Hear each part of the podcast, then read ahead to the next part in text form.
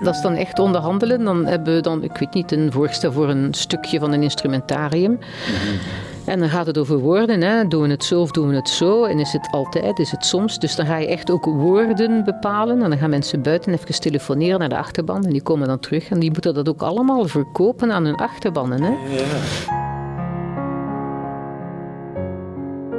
Hey, je gaat zo meteen luisteren uh, of kijken naar uh, Manon Jansen. Een heel indrukwekkende vrouw. Heeft gewerkt bij Electrolux topfuncties bij Philips, bij Procter Gamble. Is ook uh, chair van de top energy sector. Wacht, nee, top sector energy is het. Oh, belangrijk. Ja, sector. En heeft een klimaattafel uh, geleid in, um, in Nederland. Dat wil zeggen, op het allerhoogste niveau de onderhandelingen geleid over hoe gaan we die energietransitie doormaken in, in de industrie in Nederland. Uh, wat vond jij van, van het gesprek? Uh, zalig.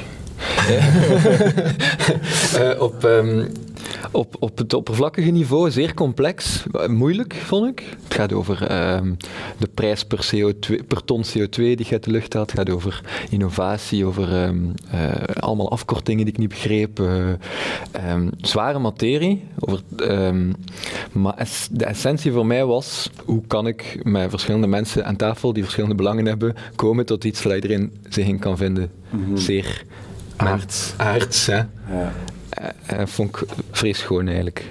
En het was achteraf nog een, een, momentje, als de camera's gestopt waren om te draaien, wat, dat, wat we eigenlijk bijna, bijna moeten. Hoe, dat ze vertelt, en ze is heel optimistisch heel het gesprek door en dat ze vertelt over haar over hoeveel moeite dat haar gekost heeft om te aanvaarden dat haar uh, zoon gehandicapt is. Ja. En, en dat die, die switch, het feit dat ze dat positief kan zien, ervoor zorgt dat ze al de rest ook positief kan zien. En, dus ik ben, daar, ben er achteraan gelopen om ze nog een knuffel te geven. Net, ja. Oh, ik vond, vond dat vrees gewoon. Ik vond het zo jammer dat, dat mijn camera's uit, ja, maar stonden. Dat, dat het niet gezegd voor de camera. Nee. Dat denk ik niet. Kijken. Gewoon kijken. Um, en, en geniet ervan.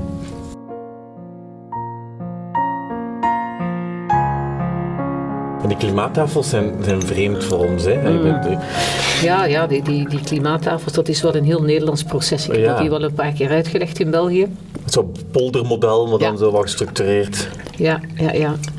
Uh, het poldermodel was natuurlijk iets heel Nederlands. Hè. Dat, dat is uh, het idee van ga allemaal aan tafel en uh, ga praten totdat je eruit komt. Maar dat werkt wel in de Nederlandse cultuur. En het werkt in deze omdat er ook een, een deadline op stond. Het was niet eeuwig doorpolderen, het was polderen met een tijdslimiet die in het begin veel te strak was, hè, juli. Okay. Dan is het december geworden. Het zal nu waarschijnlijk toch tweede kwartaal worden. Uh, maar dat polder, dat is zo typisch Nederlands, dat, uh, dat zou, dat zou in andere landen niet werken, denk ik. En als per sector dat er een tafel gemaakt wordt, dan zeggen van oké, okay, jullie moeten CO2-neutraal. Ja, maar het was dus ook wel goed gedacht. Dus in het begin er is gekeken naar wat zijn uh, de commitments van Nederland aan Parijs. Dus wat moet Nederland mm -hmm. doen om aan Parijs uh, te voldoen? En het kabinet heeft daar eigenlijk een nog ambitieuzere doelstelling op gezet. Dus niet die 49 procent, ideaal gezien 55 procent.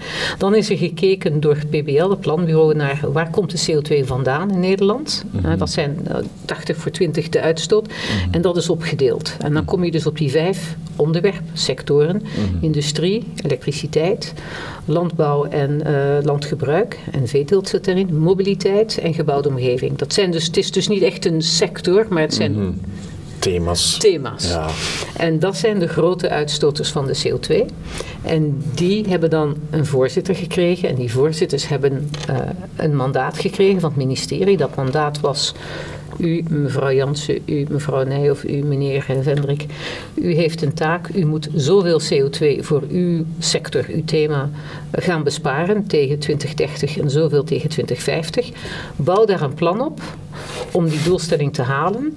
Dat moet ook nog eens een keer kosteneffectief, dat mag niet veel kosten. En het moet banen behouden. Dat was de opdracht, hè? dus die drie bij elkaar. En de grote uh, tonnenopdrachten lagen bij elektriciteit en bij industrie. Ja. Dus dat waren de twee grote. Dat is ook logisch. Elektriciteit had de centrales en bij ons de grote uitstoters. En mobiliteit, landbouw, gebouwde omgeving, dat waren kleinere opdrachten, mhm. meer zo rond de 5, 6 megaton. Uh, maar dat waren wel ingewikkelde vraagstukken. Hè. Dus de veestapel afbouwen in Nederland is een ingewikkeld vraagstuk. Nederland mhm. is een, is een van de beste, meest, heeft een van de best doordachte vee-industrieën in de wereld om dat af te bouwen. Mm dat, is moeilijk. Zou doen, ja. Waarom zou je het doen? Ja, dan moet je dus echt in de industrie af gaan bouwen. En dat is, dan ga je zeggen, je hebt zoveel boeren en je mag er dus maar minder, of per boer mag je minder, uh, minder hoofden, minder koppen in de stapel hebben. Mobiliteit is ook lastig, rekening rijden, dat komt dan toch weer ja, bij de op, op, bij de, Ja, en uh, dat is een moeilijk uh, topic. Mhm. Dus je hebt het eigenlijk over de koe, de auto en het huis. En dat zijn de dingen die dicht bij de mens liggen. De elektriciteitscentrale of de elektrische, de, de, de, de kraker, dat is ver van de mens. Dus eigenlijk dachten wij in het begin industrie, elektriciteit, dat is ver, dat zijn grote dingen, daar zal het niet over gaan. Maar de emotie is in eerste instantie toch echt op de industrie terechtgekomen. Nu zie je dat ook weer verschuiven naar landbouw en mobiliteit en de dingen die de burger kan aanpakken. Wie gaat mijn warmtepomp betalen? Mhm. Moet ik nu echt gaan rekening rijden? En, eh, mhm. dus het komt toch dicht bij, uh, bij de mensen uiteindelijk. Hè. Dus, Hoe zijn je eh, aan, aan die klimaattafel terechtgekomen? Ik Want... ben daarvoor gevraagd door het ministerie. Dus dan krijg je zo een telefoontje van... Ja, minister Wiebes, wil je voor deze job hebben? Allee, ik dacht, die vraagt mij om mee te doen. Nee, het moest dan het voorzitter, voorzitter zijn. Dus zijn onze, hebben onafhankelijke voorzitters gevraagd. Dus de keuze was ook niet heel groot. Hè.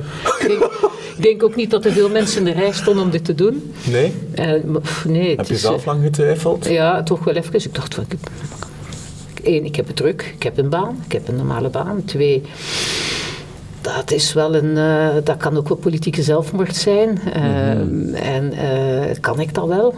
Uh, ik had politieke zelfmoord, omdat je dreigt een, ja, tot een conclusie te komen die... Je, je, je wordt het boegbeeld van een proces waar je geen controle over hebt. Dus het kan ook heel goed zijn dat als het fout gaat, dat jouw naam afgebrand wordt en dat je reputatie eraan gaat. Hè. Maar ja, aan de andere kant dacht je, kijk, uh, het land roept letterlijk het land roept. Uh, dit hoort ook bij de baan. Je komt dan op een niveau, op een leeftijd terecht waarvan men denkt, iemand kan dat. Dan moet je dat doen dan moet je dat doen. Ook al is dat lastig en, en, en, en moeilijk en, en veel persoonlijke tijd, dan moet je dat gewoon doen. Dus ik heb dat toch ja op gezegd. Niet geholpen door uh, veel ervaring in deze, maar, en dat is misschien maar goed ook, want eh, iedereen vroeg wel, was uw tafel niet de lastigste? Ja, ja, Ik dacht, ik vond van niet. Ik vond van niet. Ik vind eigenlijk de vraagstukken aan, aan de landbouwtafel en, en veeteelt, vind ik persoonlijk veel lastiger. Ja? Ja, ik, ik, persoonlijk vind ik dat moeilijke filosofische vragen. Industrie, ik ken dat, dus ik dacht dat is inhoudelijk. Inhoudelijk vond ik dat niet moeilijk, maar het politieke proces rond de industrie was moeilijk. Omdat men de industrie op dit moment wil straffen. Ja. Men heeft een politieke schandpaal nodig, dat is dan de industrie. En dan denk ik van, ja jongens, kom, dat, dat en dat, dat de industrie, wij drinken de koffie. Hè? Dan moet je niet mhm. zeggen, de koffie is fout, dan moet je zeggen, de drinker is ook fout. Dus je kan het niet mhm. zeggen, de fabriek is fout en, en ik wil als consument niks aan mijn gedrag veranderen. Uh, maar ik vond, inhoudelijk vond ik het niet. Nee, het, het, is de materie die ik beheers. Wie zit dat dan aan uw tafel? Om, dan mochten wij dus zelf be, be, bepalen hoe we dat deden. Ja, ja, dus aan, uh, iedere, iedere voorzitter heeft dat eigenlijk een beetje anders gedaan. Uh, bijvoorbeeld elektriciteit, die, dat was een, eigenlijk een, een geconcentreerde sector. Dat zijn de energieleveranciers en de verdelers. Mm Dus die hadden één hoofdtafel met mm, 25 mensen. Okay. En die zaten allemaal samen. En bij mij waren er te veel partijen. Industrie in Nederland, dat is ik weet niet hoeveel, 300.000 bedrijven. Dus ik heb een soort uh, businessmodel gebruikt met een hoofdtafel. Zeven clusters, en er waren mijn zeven business units. En die zeven clusters die moesten dan met de plannen komen. Daar zaten dus uh, ondersteunende partijen rondomheen. Dus ik had dan mijn hoofdtafel. Dus die zeven clusterleiders. Uh, de lagere overheden. De Groene Alliantie met twee, met twee uh, plekken. Iemand die het innovatieteam voorstelt. Een klankbordgroep. Dus het was toch wel een, een man en vrouw of twintig zo aan de hoofdtafel. Mm -hmm.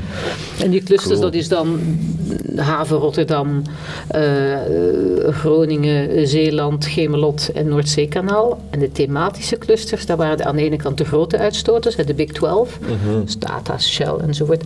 En al de rest samen. Die dus de, grote, de 12 grootste bedrijven in Nederland stoten, stoten 25% van de CO2 uit.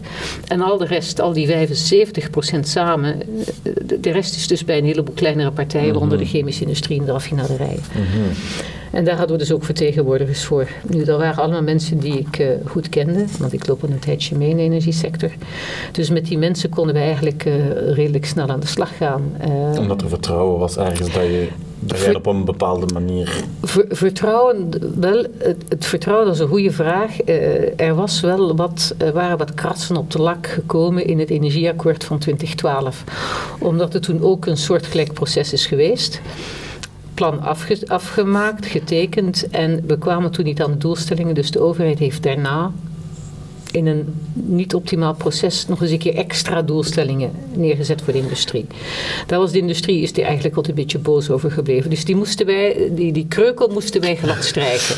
En dat is gebeurd. Er is dus eigenlijk veel vertrouwen gegroeid tussen de industrie en de overheid. En dat betekent dat dus ook in december, toen wij het plan, het, het ontwerp voor het klimaatakkoord eh, hebben voorgelegd, de industrie had getekend. Mm. Het was de Groene Alliantie die uiteindelijk wegliep. Ja, maar ik kan me voorstellen, als je zegt van ik loop al een tijdje rond in die sector, dat dat voor die Groene Alliantie, dat, dat die zo'n beetje naar u zitten te kijken van... Ja, maar wie uh, zijn jij getrouwd eigenlijk? Ja, dat was, ik was natuurlijk, de voorzitter was onafhankelijk, dus hij ging over het proces, dus hij mocht ook geen positie nemen. Ik was ook niet voor of tegen industrie of voor of tegen dan alliantie. En daarom heb ik ze ook twee plaatsen gegeven aan mijn tafel. Niet één, omdat het zo belangrijk was. En ze ook goed uh, ruimte gekregen, um, uh, gegeven. En, en we hebben dus ook echt wel veel aan, naar hun vragen geluisterd. Uiteindelijk vonden zij dat niet voldoende. En zij waren zelf ook wel wat verdeeld over wat is nu belangrijk. Hè? Dus binnen die Groene mm. Alliantie, dat zijn dus alle groene partijen samen. Uh, en daar waren twee vraagstukken heel belangrijk. Uh, CCS, hè, dus wel of mhm. niet opslaan van CO2. En het, het heffen, een vlakke CO2-heffing over de hele grondslag. Mm dat waren twee gedachten uh, die voor uh, partij, dat werden uiteindelijk dogma's. CCS, daar hebben wij een, een joint fact-finding op gedaan. We hebben gezegd, we gaan die vraag eigenlijk professioneel oppakken. De vraag is, hebben wij dat nodig om aan de doelstellingen 2030 te komen en moet je dat willen? Mhm. Dus we hebben daar een apart uh, proces voor opgetuigd over de zomer, daar een een, een, een, wetenschapper boven gezegd en gezegd: ga dat nu eens in kaart brengen.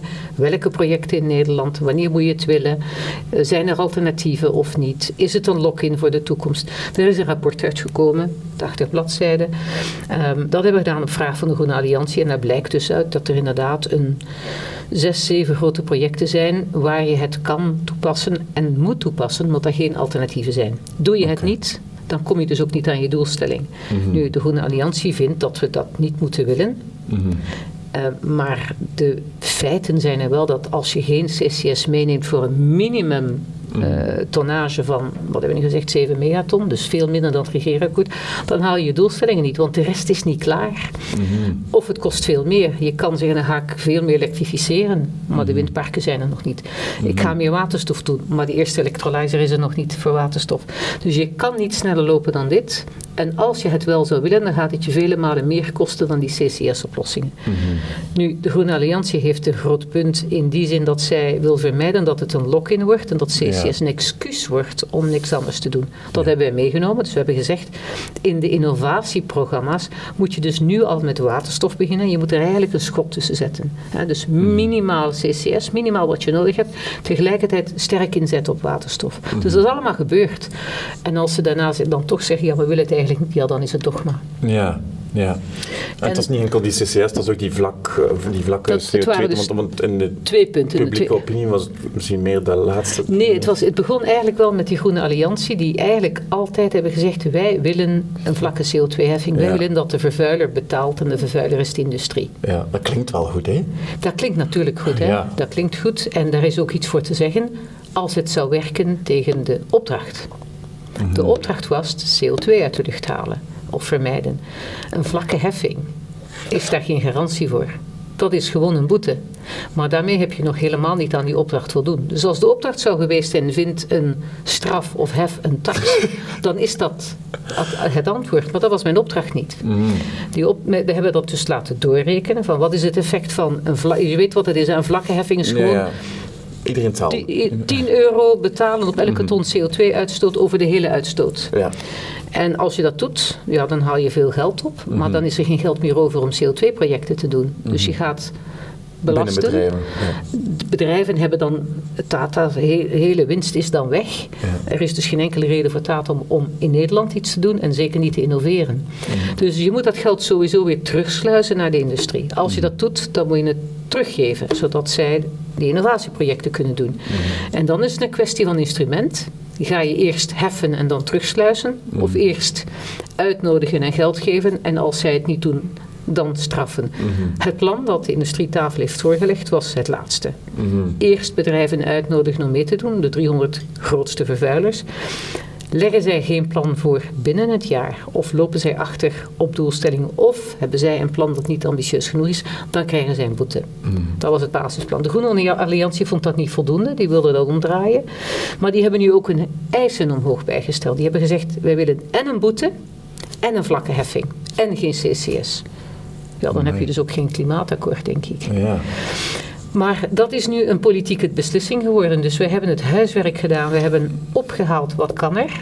Het kan voor de industrie. Projecten en plannen in kaart gebracht. Iedereen heeft eh, zijn best gedaan. Per cluster, per bedrijf liggen daar ehm, plannen. Eh, we hebben gekeken wat kost dat. Dat is doorgerekend door PBL. Het blijkt dat het minder kost dan zelfs wij hadden gedacht.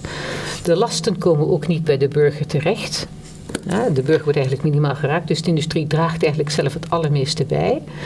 Ehm, maar daar heb je inderdaad wel een instrument voor nodig dat de industrie eh, uitnodigt om mee te doen. De industrie vond dat goed, Groene Alliantie niet. Ja, nu is de overheid aan zet om dan maar met een ander plan te komen. Dus eh, Dat, dat te verrassend optimistisch. Het kan, het kost minder, Ja. de burger geraakt. Dat het kan, kan, toch niet? nou wel, het is, het is doorgerekend. Dus het kan is een kwestie van breng in kaart alle projecten die er zijn, die hebben wij gewoon. Doorrekening van PBL. Dat is het beste rekenkamer dat we hebben. En die hebben gezegd het kost minder. Het kost ongeveer de helft minder dan we hadden gedacht. En de burger wordt marginaal geraakt in 2030. Hoe cool is dat niet? Dat als, is je toch die, tof? als je die rekening binnenkreeg van PBL, dan moet het toch even... Ik dacht dat ook. Ik dacht dat ook. Zij had ook als aanbeveling, gaat u vooral aan de slag. En gaat ermee beginnen. En, en, en zorg dat jullie gaandeweg, dat jullie de projecten, de methodologie, de technologie zeker maken. Alleen wat er toen gebeurde in de middag, kregen wij dus een brief van eh, de minister-president en de minister van Economische Zaken, die al een eerste reactie, kabinetsreactie op die plannen hadden. En die hadden dus vijf punten eigenlijk al besloten. En die hadden eigenlijk, kondigden aan dat ze eigenlijk toch een nationale CO2-heffing wilden. Ja, dat, dat mogen zij. Dat mogen zij, maar dat was wel een verrassing, omdat eh, de kabinetsappreciatie zou pas eind april komen. Ehm, en ehm, ja, de feiten, je had ook iets anders kunnen beslissen, maar daar is het politieke debat, denk ik, dus sterk door, door, eh, doorslaggevend geweest. Eh, het was ook een week voor de verkiezingen. Dus ja, men schreeuwde om een nationale CO2-heffing. En het kabinet mag dat doen. Hè. Wij hebben maar een voorstel Ja, ja. gedaan. En wij hebben gezegd, doe A. Het kabinet mag B besluiten. Dat mag. Ik vond dat wel teleurstellend. Ja, voilà. Dat, dat lijkt me toch wel. Dat Ja. En ik begrijp, ik begrijp ook de politiek wel, want eh, het is een coalitie. Ehm, eh, er zijn partijen die toch wel meer van die heffing willen. Andere partijen vinden dan toch de economie en het behoud van banen en de kosten belangrijk. Je moet wel een klimaatakkoord hebben. Dus wat je niet wil is dat er niks komt. Dus ik begrijp dat er wat eh, onderhandeling plaatsvindt. Maar ik hoop dus wel dat ze toch terugkomen met een verstandig instrument. Eh, Want ik, ho- ik hoop niet dat het te ver uitgeschoven wordt. Of dat er onverstandige beslissingen worden, worden genomen. Want veel geld ophalen voor de schatkist, maar dan niks doen aan CO2. Daar schieten we dus niks mee op. Hè. Dus het is nu even afwachten. Nog een paar weken, denk ik. Zot zo'n man traject. Ja, ja, dat zegt dat wel. Dat zegt dat wel.